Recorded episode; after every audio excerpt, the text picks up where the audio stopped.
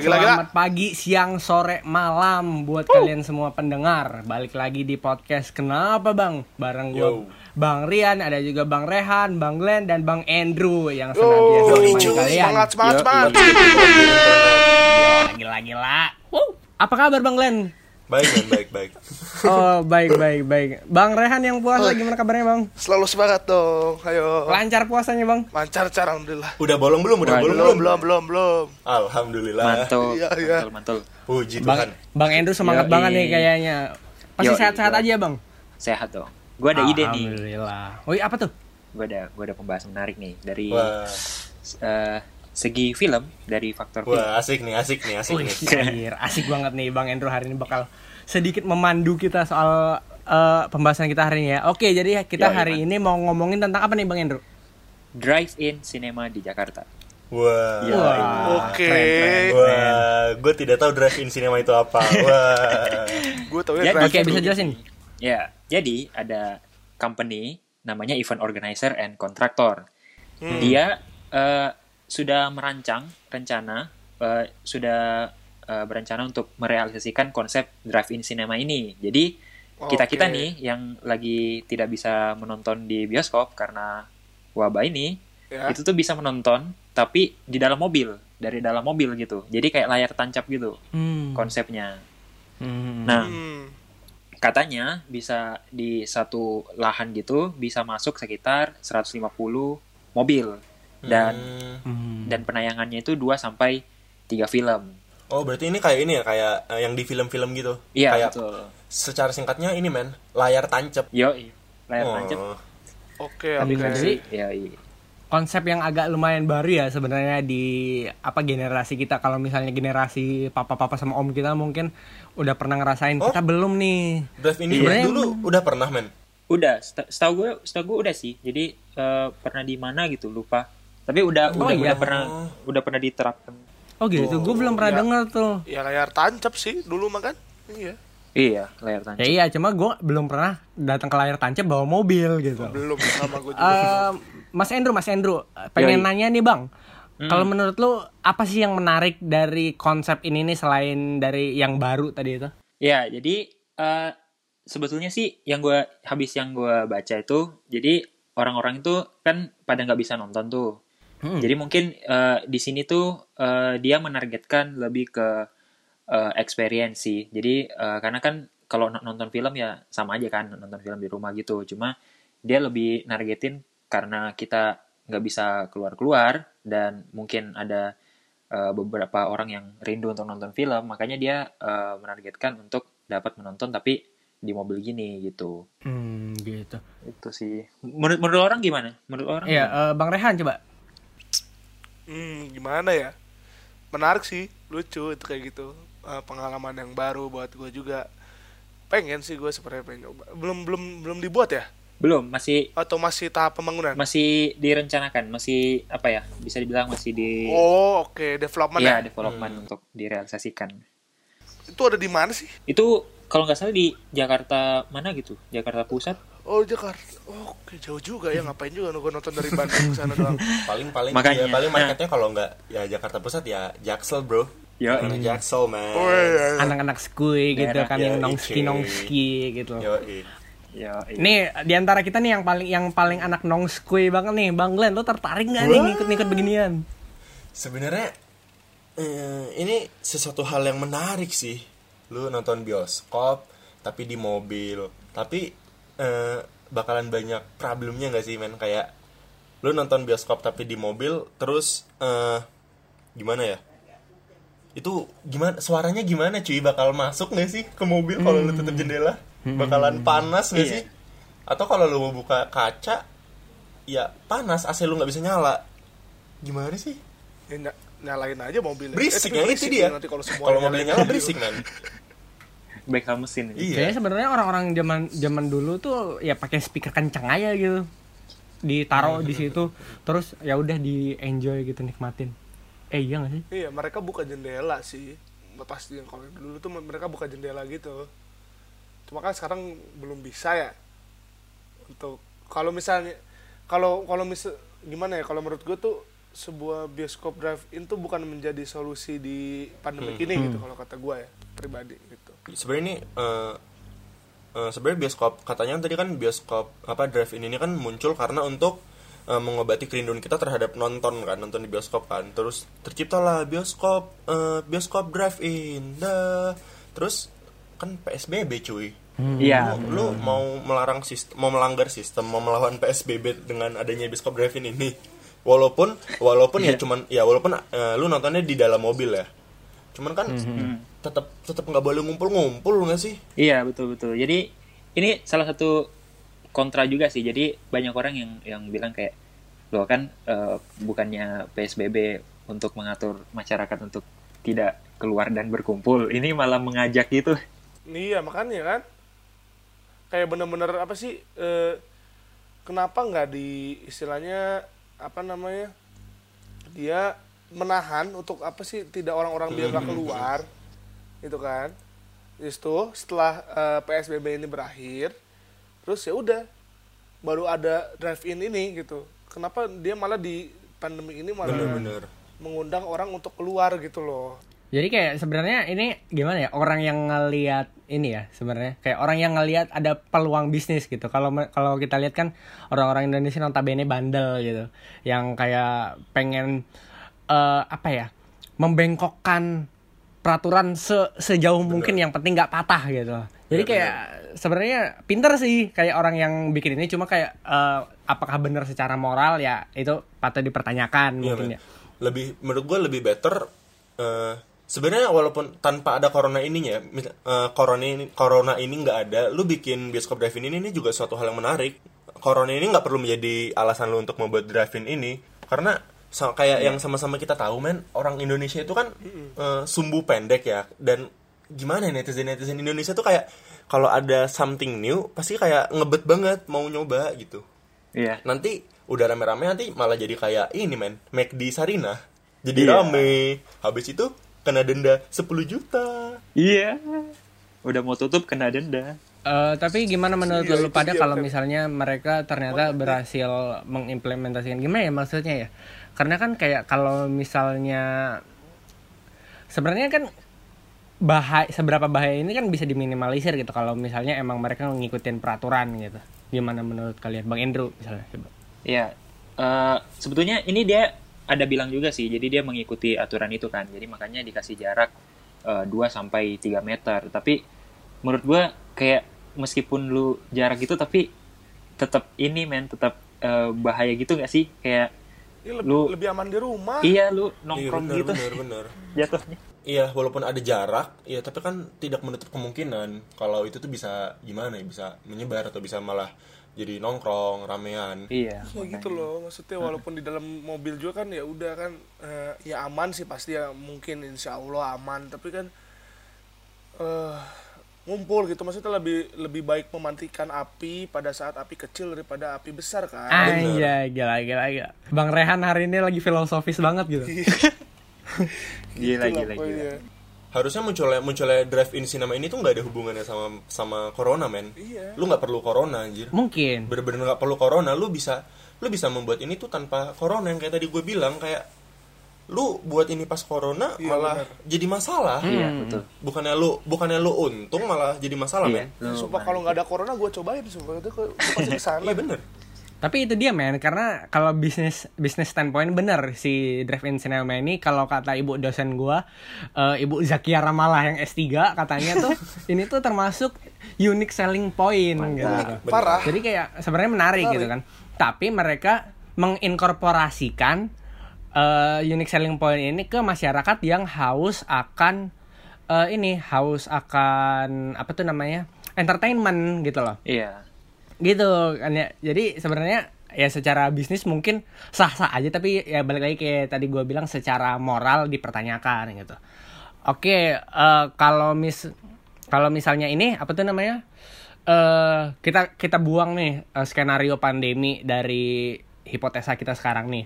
Kita kita kita bandingin coba drive-in cinema ke streaming di rumah ke bioskop. Menurut lu, lu pada lu bakal lebih enjoy yang mana? Dari Bang Glenn coba. Kalau gua gua bakalan lebih memilih di eh, di bioskop sih. Kan misalnya emang emang untuk menonton daily ya menonton film-film gue bakal lebih enjoy di bioskop men. Karena menurut gue eh cinema drive-in cinema ini bakalan menarik cuman untuk lu nonton kayak sekali-sekali gitu doang men Oh gitu. Iya, karena yang itu tadi gue bilang pasti bakal banyak banget problemnya. Lu mau buka jendela karena suaranya nggak kedengeran, nyamuk cuy, lu mau kena DBD balik-balik. Nah itu tuh yang gue gue tadi sempat kepikiran cu- tapi gue lupa lupa gue bilang. Banget. Gila si Glenn mikirnya negatif. Anjir. Menurut gue ya guys, ini tuh eh, bisnis kayak gini tuh cocoknya tuh di Bandung. Karena kalau di Bandung tuh Bandung tuh adem malam-malam. Lu nggak bakal Apalagi ya. namanya kepanasan gitu loh. Di puncak. Aduh. Udah, iya, udah mantap sudah itu. iya, gue nangkap Tapi itu ya- gimana gimana? Gak, kenapa kenapa Rian? Enggak, enggak apa. Oh, Lanjut. gue gue nangkap itu kalau emang bioskop itu yang disajikan oleh bioskop adalah film-filmnya, lu bisa menikmati filmnya dengan kursi yang nyaman, Dolby Atmos dan segala jenisnya. Kalau drive-in ini tuh yang disajikan sama mereka tuh sebenarnya bukan filmnya, eh, tapi experience-nya. Experience. Iya, di mana kayak eh, lu nonton bareng siapa gitu di di dalam mobil itu kan sesuatu hal yang personal, intim. Jadi lebih ke arah romantisme anjir gue mikirnya. Iya betul. Kayak lu emang mau malam mingguan mau berdua sama cewek lu atau sama istri lu, ya lu bisa ke drive-in cinema ini di dalam mobil berduaan. Lu mau ngapain ya serah jidat lu meletak lah, nggak ngerti. Iya iya iya. Tapi sebenarnya ya kalau menurut gua lu berapa kali lu datang ke bioskop eh, bareng teman-teman misalnya nongki-nongki doang. Kayak lu pasti pernah gitu, nggak tahu sih. Tapi kayak gue pribadi sih pernah kayak nonton film yang sama dua kali karena misalnya sama teman-teman gua. Jadi kayak eh, bioskop sebagai suatu tempat nongkrong aja gitu, bukan kayak lu utamanya mau nonton tapi kayak spend time bareng teman-teman gitu. Kalau menurut gua gitu ya. Kalau menurut Bang Rehan misalnya gimana? Hmm. Kalau dibandingin sama experience nongkrong di drive-in cinema. eh drive-in cinema ya menarik sih. Cuman kalau gua pribadi ya paling juga lima kali gitu udah bosen kali ya. Mungkin ya gua kalau pribadi pasti juga lebih memilih bioskop. Walau untuk nongkrong-nongkrongnya itu pasti bisa menjadi pilihan. Kayak misalnya suatu saat atau misalnya kita udah sering terus kayak suatu saat bulan depan eh gua nonton situ lagi yuk gitu. Bisa aja kan? Iya kayak benar gitu tapi cuman nggak menjadi pilihan utama gua sih kalau untuk di situ ya. Hmm, tapi alternatif bagus gitu ya. bagus bagus. Iya, itu idenya benar-benar. bagus. Kayak ini gue pernah dengar ada ide ada pernah terlaksanakan eh, clubbing tapi yang pakai headset jadi eh, itu pernah di? Jakarta di Jakarta di Jakarta Enggak enggak asik sih dia. Di otak gue enggak asik sih pakai headset. jadi kayak eh, kalau lu buka headset lu di dalam clubbing itu sepi udah kayak cuman mereka joget-joget sendiri tapi mereka satu lagu di headset tuh Lucu sih itu.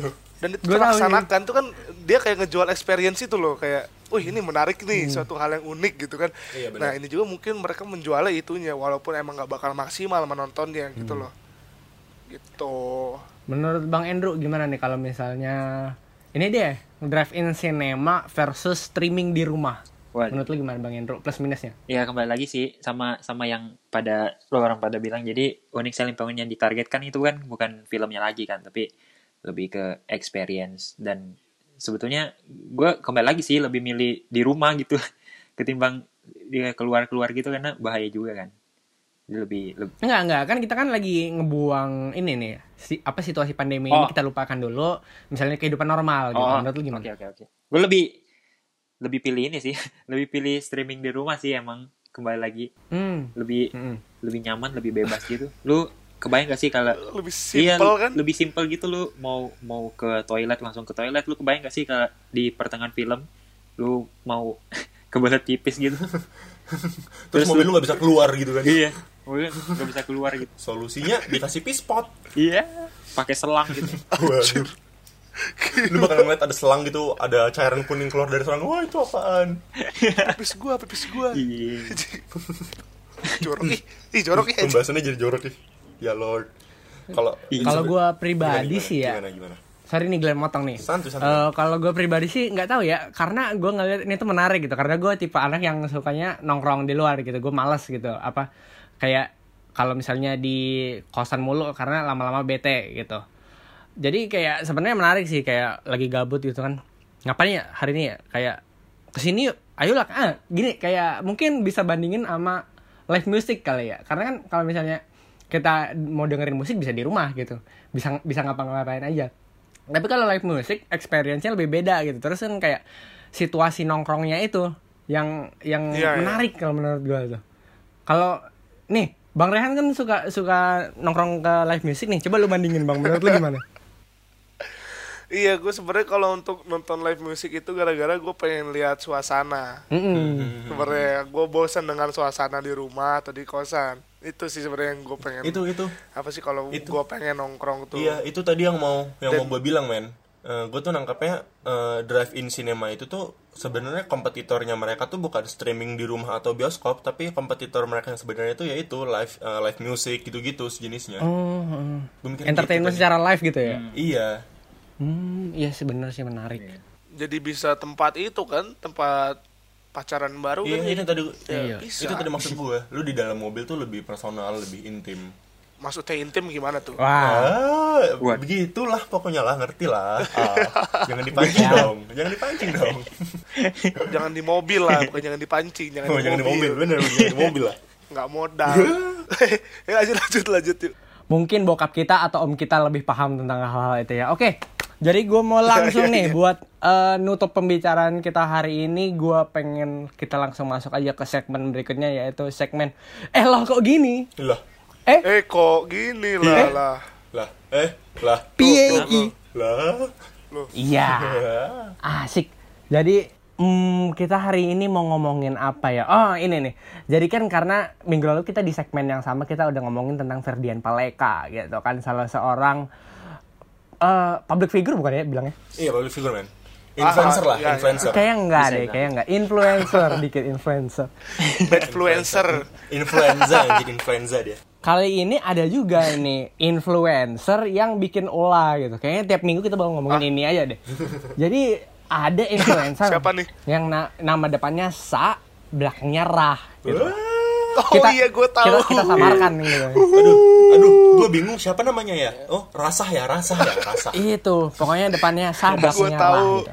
Jadi, guys si dia ini nih, dia melelang gitu kan. Dia ngelihat nih ada orang-orang yang dirugikan secara finansial di masa pandemi seperti ini gitu kan. Terus Iya. dia berusaha membantu mereka dengan cara melelang sensor, oi. sensor, sensor. untuk menggalang dana supaya bisa disumbangkan ke orang-orang ini gitu. Bang Glenn kayaknya ahli nih kalau soal soal beginian. Kenapa, nih. kenapa, kenapa nggak ke gue? Eh, Nggak tahu karena lu punya vibe-vibe kayak gitu Bang Glenn. Menurut lu gimana nih Bang Glenn? Sebenarnya eh, pandemik ini tuh konteksnya bukan untuk bercandaan gak sih? Kalau lu emang mau bercandaan Iya, kayak gitu tuh, ya enggak. Tapi sebelumnya kita semua setuju kan kalau dia tuh kayak gitu sebenarnya bercandaan kan, bukan bukan real mau jualan kan? Ah, gue nggak tahu sih awalnya gue mikirnya itu serius. Iya, gue mikirnya serius. Ujung-ujungnya jadi bercandaan gitu. gue nangkapnya tuh pas Iya, pas gua- pertama gue liat tuh kayak lagi nge-scroll kan kayak shit man apaan sih Iya. bercandaan lu nggak lucu anjir lu kalau mau bercanda kayak gitu tuh cukup, cukup di tongkrongan lu aja lah nggak usah dibawa ke publik lah apalagi eh, konteksnya di sini lu punya angka men. Dan Indonesia tuh lu kayak nggak tahu netizen Indonesia aja. Dikit-dikit gampang ke trigger lu malah jadi ngegiring opini publik yang ke aneh-aneh. Gue nangkap sih gitu Tapi sebenarnya kalau gua ngeliat sih ya, ini soal eh, bercandaan lu lucu apa enggak gitu. Karena kalau gua mikir mah ini konten-konten kayak gini mah kayak hampir nggak asing gitu di mata influencer dan public figure di Indonesia gitu. Iya, iya, Dikit-dikit benar, kontro- kontroversi buat engagement gitu kan ya. iya benar Terus satu skenario lagi yang gua barusan banget kepikiran, siapa tahu dia awalnya serius gitu. Terus pas akhirnya dihujat dia bilang kayak enggak kok guys bercanda doang kok. Bisa jadi kan? Iya kayak gini loh. Kayak gini jatuhnya. Misalnya gue suka sama lu Glenn, misalnya Oh, ya. Terus gue Wah, bilang, wah, wah. eh, misalnya, gua, gua, gua, misalnya, gua keluar enggak ah, aduh aduh. Nih, ah, misalnya gimana, Cik. Jadi kayak mis- jatuhnya kan kayak, eh, eh, apa sih misalnya gue nembak lu, Iya. terus kayak terus ditolak, eh enggak, sorry tadi bercanda, gitu Nggak, coba dong. Contoh udah contoh tembak udah coba tahu. tembak. Aduh jangan. Aduh malu gue ya udah deh. Eh, jijik ya gue ya, kayak gitu kan kayak semua hal tuh bisa di dibantah dengan bercandaan gitu dengan kata-kata. Iya, bener. gue bercanda dong Hmm, benar benar benar. yang kayak gini-gini tuh harus di harus di anjing harus dikenin down gitu loh nanti kebiasaan anjing gitu loh. Bener bener bener bener jadi banget. kebiasaan. Hmm. So- so, dicontoh orang lain contoh orang lain makin banyak yang gini terus aja. Iya, maksudnya lu lu kalau mau untuk naikin engagement lu ya udahlah nggak usah pakai hal yang kontroversi lah, pakai hal yang lebih better dikit kayak iya anjing. aduh apa Hmm. coba? Ih kejual pit Jadi misalnya kalau Oh sorry, nggak denger ke Bang oh Rehan. iya udah lanjut aja dah kesel gua udah kesel Oh udah.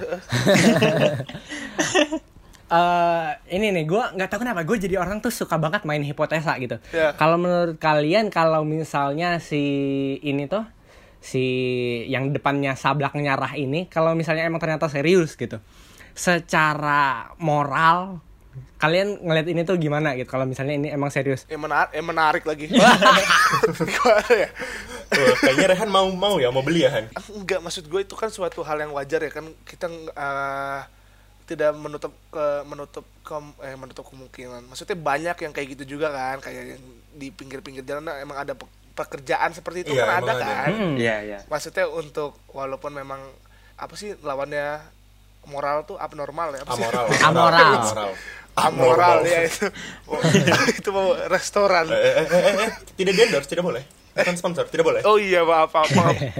nah walaupun ab, ab, ab- Amoral. apa sih amoral ya sebenarnya ya nggak- bukan nggak apa-apa ya gimana ya gue mikirnya kayak ya udah itu kan urusan dia gitu ya Mm-mm. lu mau kerja seperti itu ya it's okay gitu tapi jangan diumbar dan di hasilnya tuh dijadikan buat Iya nyumbang benar gitu. benar. Maksud gua. Benar. Iya. Gue gue sepemikiran sama Rehan. Gue mikir kayak kalau emang niat lu lu mau jualan kayak gitu, ya udah itu punya lu ya lu lu serah lu lu mau ngapain gue nggak peduli suka suka mata lu meletak lah lu mau Iya. ngapain cuman eh, bangsatnya tuh ketika lu mau melakukan tindakan baik dengan tindakan yang tidak baik men katanya kan itu eh, duitnya mau dipakai untuk nyumbangin eh, korban covid ya Hmm. Iya. ya itu Iya. bangsat men Tapi kan tindakan tidak baiknya ini tuh maksudnya tidak baik ke dia, tapi bukan tidak baik ke orang. Itu nggak bang? I- iya bener sih tidak baiknya ke dia cuman konteksnya duit ke duit orang, haram orang juga lu nih misalnya nih ya. Nih eh, lu lu lagi sakit misalnya harus dioperasi misalnya Rian nih kena kena amit-amit ya penyakit ginjal amit-amit. Amin. Terus Astagfirullah. dateng nih kucuk-kucuk ke, ke lu nih Yan salah salah sorry. nih Yan gue kasih duit eh, 500 juta eh langsung oh iya dapat kerja dari mana? Eh, abis eh, open bo tadi. Kan kayak anjing hah?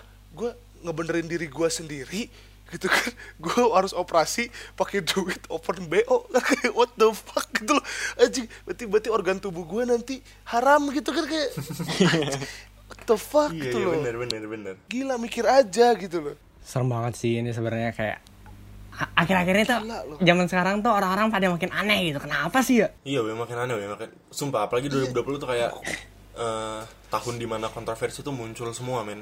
Pusing gue liatnya. takut gue takut sebenarnya makin banyak kayak gini gitu lama-lama nanti pita suara dijual gitu ada suara yang suara artis gitu Wah. ada yang mau suara artis gila kan anjing Gue gue tuh takut ini, men. Gue takut generasi yang ada di bawah kita tuh adik-adik kita tuh em, menganggap ini tuh hal yang serius dan hal yang Iya, wajar makin ha- lama. iya. Nanti malah jadi terjadi, malah bener-bener ada generasi amoral yang muncul. Gue takutnya tuh kayak gitu sebenarnya.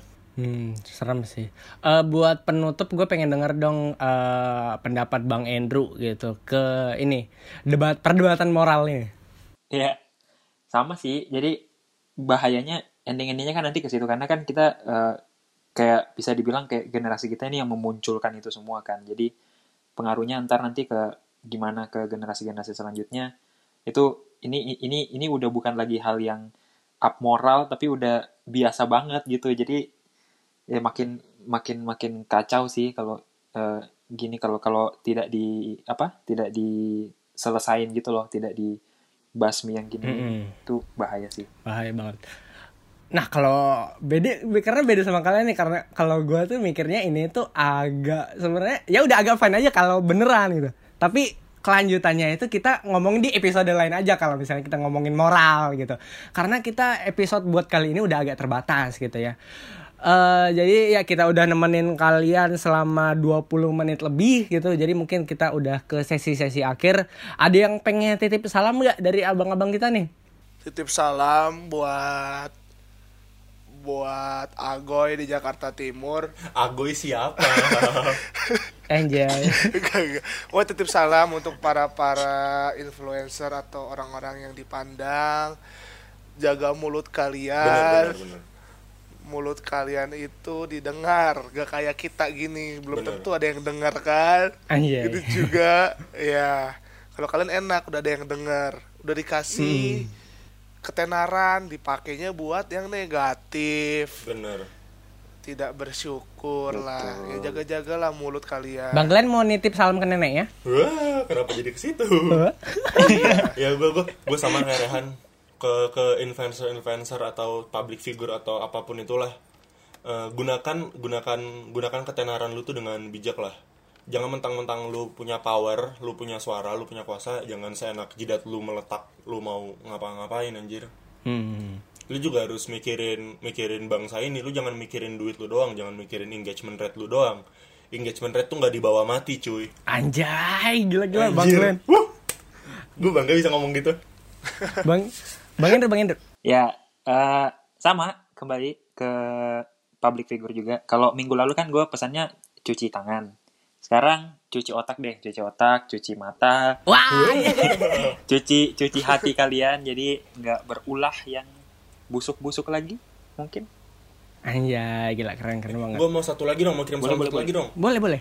gue mau kirim salam ke ini juga men ke yang tadi yang buat drive-in cinema Hmm. better better ide kreatif lu dan ide bagus lu yang drive-in itu dikit dulu lah sampai eh, corona ini kelar psbb ini kelar lu mau buat drive-in di hutan sekalipun ya monggo silahkan men tapi kalau bisa jangan tolong jangan melawan sistem jangan bikin yang aneh-aneh lagi jangan bikin kerumunan lagi kecuali kalau lu mau didenda 10 juta ya silahkan tapi ya jangan lah nanti ada kena corona jangan jangan anjir Oke, oke. Jadi kalau dari gue, gue mau nitip salam sama anak-anak Double Infinite. Anjay. Eh, titip salam semoga semuanya tetap sehat, tetap stay home, stay healthy gitu. Apalagi kita lagi menjelang UAS itu semoga semuanya semangat terus UASnya kelar, bisa lulus dengan nilai yang memuaskan gitu lah. Terus jangan lupa stream Switchblade dari Niki. Anjay agak sedikit Hey, plak hey, buat hey, terakhir. Terakhir. Ah, eh, eh, eh, sensor sensor Hey. sensor tidak dibayar tidak dibayar. Nggak apa-apa itu rekomendasi lagu yang bagus guys. Dengerin dengerin. Oke jadi sekian. Sekian dari kita dari podcast kenapa bang hari ini. Gua bang Rian. Bang bang yang lain siapa namanya Siapa Oh coba? iya. ya udah gue Bang Raihan. gua gua gua Siapa sih lu yang bener ah? Udah Bang. ulangin, ulangin. Bener ya? Oh ya Ulang deh oke oke gua bang Rian Iya, gue Bang Raihan. ya gua bang eh, kalau lu lihat di Instagram at glaynolaf nah, itu dia itu Iya. terselubung terus ada ya dua gua Bang Andrew. Terus ada bang Endro. Oke jadi kita undur diri dari episode kali ini. Makasih udah ngedengerin selama 20 menit ke belakang. Dan stay healthy stay safe. See you next week. Oke, bye Bye, guys.